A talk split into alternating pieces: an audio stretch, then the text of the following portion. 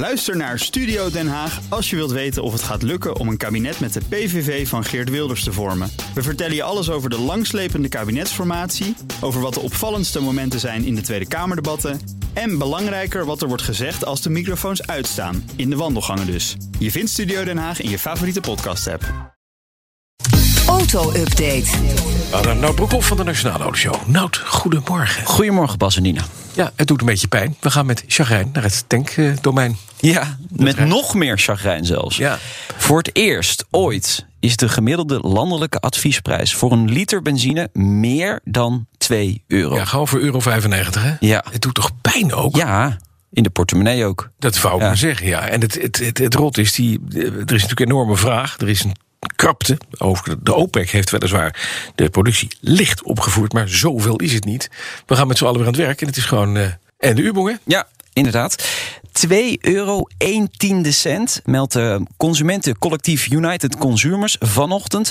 Eh dus ja, 1 tiende cent, dat is zo weinig over die 2 euro. Maar het is wel een, Het is een- magische ja. grens. Ja, het is die Ja. 2 euro, hè, die tot, tot de borden langs de snelweg. Daar word je niet Ja, blij van. ja, maar mensen die op benzine rijden, dat is toch Ja, wel een zeg hard maar. gelach. Hey, de dieselprijs, staat die ook al op recordhoogte? Ja, die staat ook op recordhoogte. Heb ik nu niet 1, 2, 3 hier, maar die is ook gestegen. En Zelfs LPG is eh, gestegen. Ja, dus is alles gaat omhoog. Ja.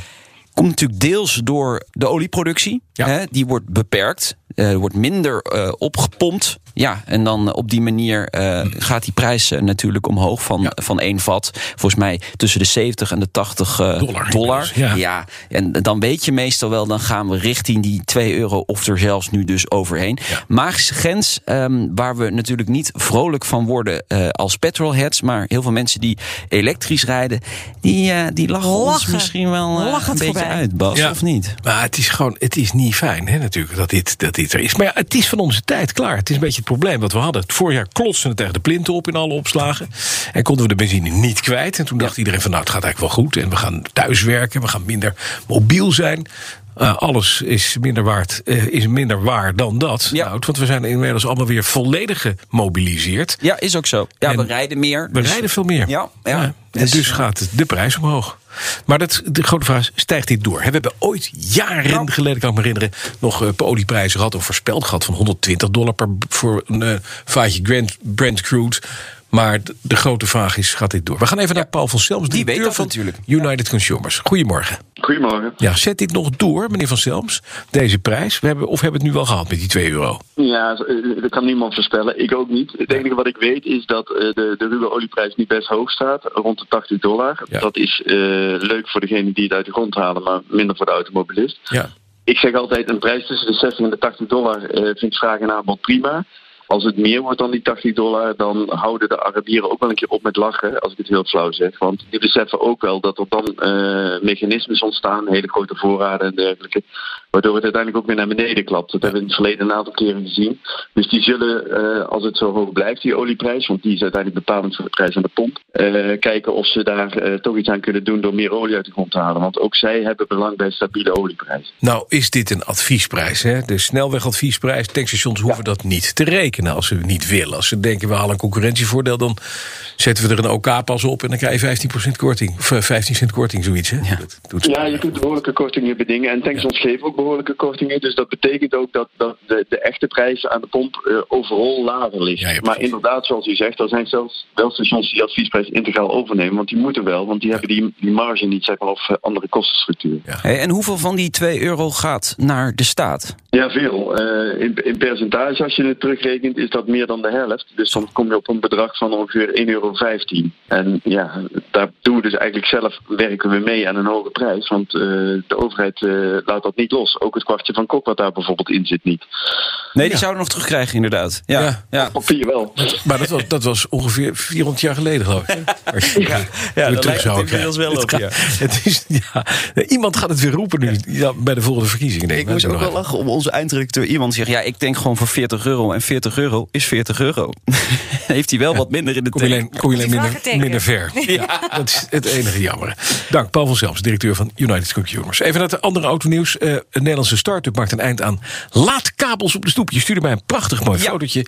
Van ben je ervan onder de indruk?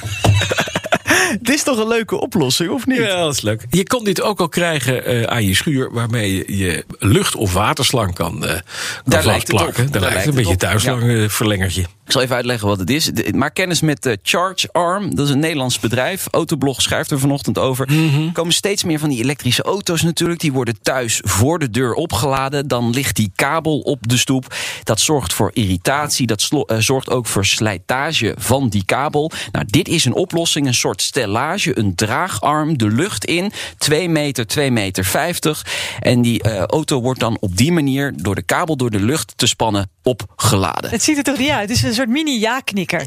Ja, ja, het Eh, lijkt erop. je hebt het bij, bij wasstraten ook. Hè. Ja, Dat oh zit ja, daar boven je ja, hoofd. daar Juist, ja. Ja. het is echt zo'n slinger. Het is, weet je, het hoe heet, hoe heet het? De charge arm. De charge arm. Het is natuurlijk helemaal niks, want het is precies hetzelfde als we al hadden voor lucht en, en, en Ja. water en, en stroom. Maar ja, prima. Maar het lost wel Maar- een probleem op. Ik vind het wel handig. Het ziet er handig uit. Ja, maar wacht, die kabel kan toch over de stoep, nou? Kom op, voor je rijdt er, er zijn kinderen met een stepje. Ja. Daar is die kabel toch gewoon tegen bestand. Mensen met een rolstoel, Ja. in de valide. Nee, ja. kabel, grootje. Kijk, eh, Bas, op dit moment zijn er nog niet heel erg veel elektrische auto's. Maar als straks, als straks er miljoenen elektrische auto's zijn, dan liggen er overal kabels. En dat willen we niet. Dit is een oplossing. De foto komt straks op bnr.nl slash auto-update te staan. En die kun je volgen via het BNR Autoshow, Ja, het Twitterkanaal. Even, dan zeg je, dan moeten al die auto's straks een laadpaal. Die staat in die tuin, die laadpaal. Dan krijgt heel de straat krijgt zo'n zo'n ding. Kan je leuk wel met het EK oranje vlaggetjes aanhangen. Ja. Wat kost die?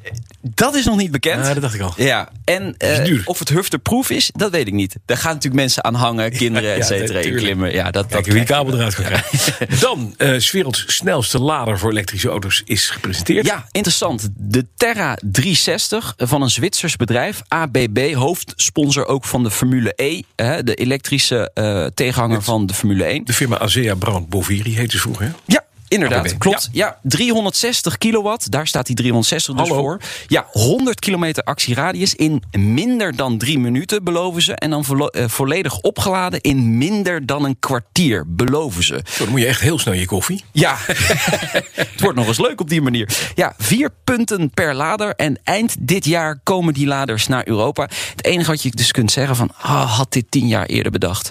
Dan hadden we nu overal die laders gehad... en hadden we het veel sneller kunnen uitrollen. Want nu staan er eigenlijk alweer verouderde laders hier buiten op straat. Ja. Jammer. Maar goed, dat is innovatie. En je weet het nooit wanneer het allemaal komt. Arm aan, want dan kan je naar een kwartier naar je arm kijken. Jij bent onder de indruk Ik verliefd. vind het een waardeloos idee. En de meest ultieme Alfa Romeo Giulia is helaas uitverkocht. Afgelopen maandag heb ik beloofd dat we met, met geluid zouden komen. Dus laat het geluid maar gelijk even horen.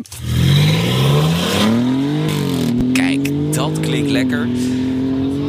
Dit is de eh, 2,9 liter biturbo V6 motor van de Alfa Romeo Giulia GTA en de GTM.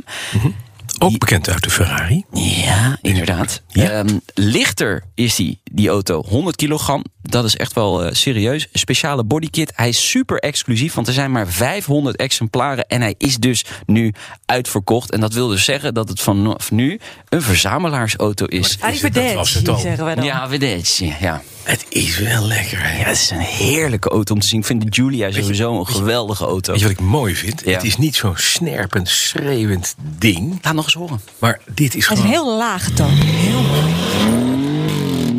Maar je hoort wel van... eh, Kijk, het is de Bas van Wervens onder de auto's. Geluiden, hè? Ja, het geluid. Ja, ja. vind laag, ik ook. De bas- rustig, de maar basstem. ondertussen, maar ondertussen. Vanmiddag in de Nationale Autoshow. Ga jij dit weekend meedoen aan de Tulpenrally?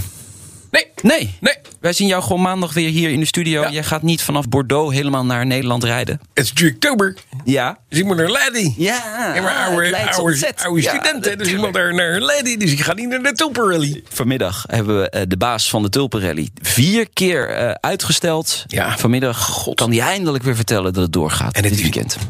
Iconisch ding, hè, de tulp. Ja, Wordt al wel. 125 miljoen jaar gereden. Nou, Ja. dat is overdreven. Maar weet je wat ik eh, altijd mooi vind? Je kan daar met een Opel Ascona uit 1973 winnen... als je maar heel goed kan rally als je rijden. heel goed kan rijden. Dan hoef je dus niet een hele exclusieve, moeilijke Alfa Romeo Giulia GTI M te hebben. Maar gewoon een Ascona uit 73 met Ja. een vinyldak. In appelgroen.